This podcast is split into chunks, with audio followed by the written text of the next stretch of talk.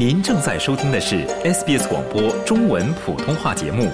更多节目内容，请浏览 sbs 点 com 点 au 闲斜杠 mandarin，或下载应用程序 SBS Radio App。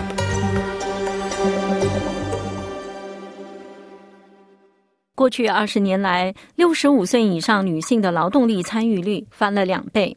但是，工作场所的安全措施是否跟上了这种变化？滑倒、跌倒和绊倒是严重的工作场所伤害的主要原因之一。莫纳什大学的新研究认为，社会需要更好的了解他们对老年女性的影响。下面请听报道。长期以来，工作中跌倒或者绊倒一直被认为是严重工作场所伤害的主要原因。大多数研究都集中在男性员工身上，因为他们更有可能在建筑、电信和机械工程等被认为是危险的行业工作。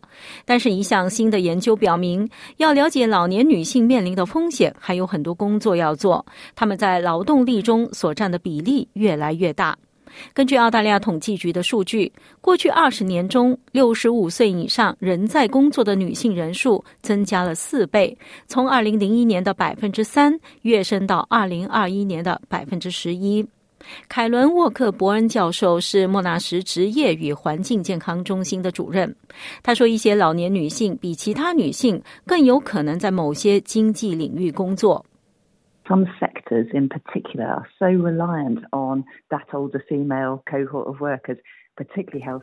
一些行业特别依赖老年女性工人群体，特别是医疗保健、老年护理和零售业，因此他们是就业的特别重点。我们看到这些女性，特别是如果她们还有潜在的疾病，则更有可能摔倒并造成一些非常严重的伤害，尤其是骨折。他的研究调查了维多利亚州因工伤入院的情况，发现五分之一的人因跌倒而入院。显然，男性比女性更有可能从高处跌落，例如从梯子上跌落，但是女性在同一高度跌倒的比例更高。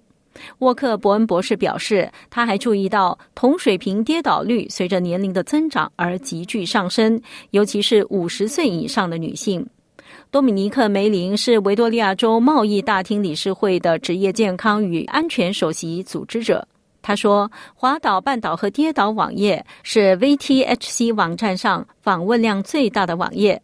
对于梅林先生来说，这表明这种危险在工作中是多么普遍。尽管他说许多事件都很轻微。” Generally slips, trips and falls. If you just fall over and you know you bruise yourself. 通常是滑倒、绊倒和跌倒。如果你摔倒并擦伤了自己，然后还能笑一笑，这可能不会被记录在工作场所的统计数据中，你更不会被送去医院了。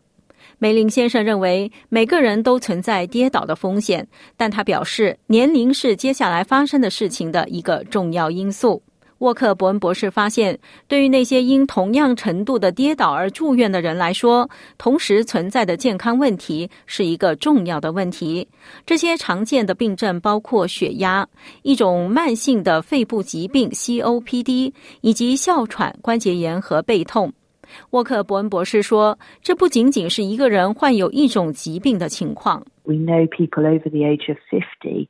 Are much more likely to have one or even more of these kinds of conditions. 我们知道，五十岁以上的人更有可能患有其中一种甚至多种病症，并且随着人们年龄的增长，我们会在人们身上看到其中两种、三种或者四种病症。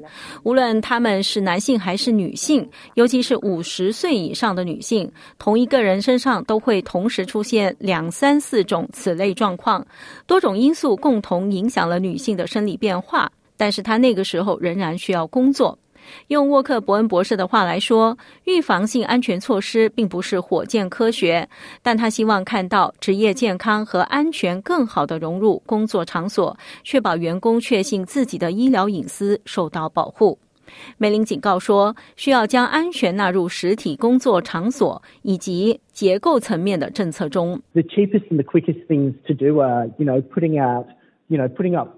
Signage saying "Watch out, slippery area" or training employees saying, "Hey, this bit, this this is a dangerous bit. The lighting's not good here." 最便宜和最快的事情就是放出一张警告牌，上面写着“小心，这里是湿滑的区域”，或者培训员工说这是一个危险的地方，这里的灯光不好，所以你要注意，你正在这个特定的领域工作。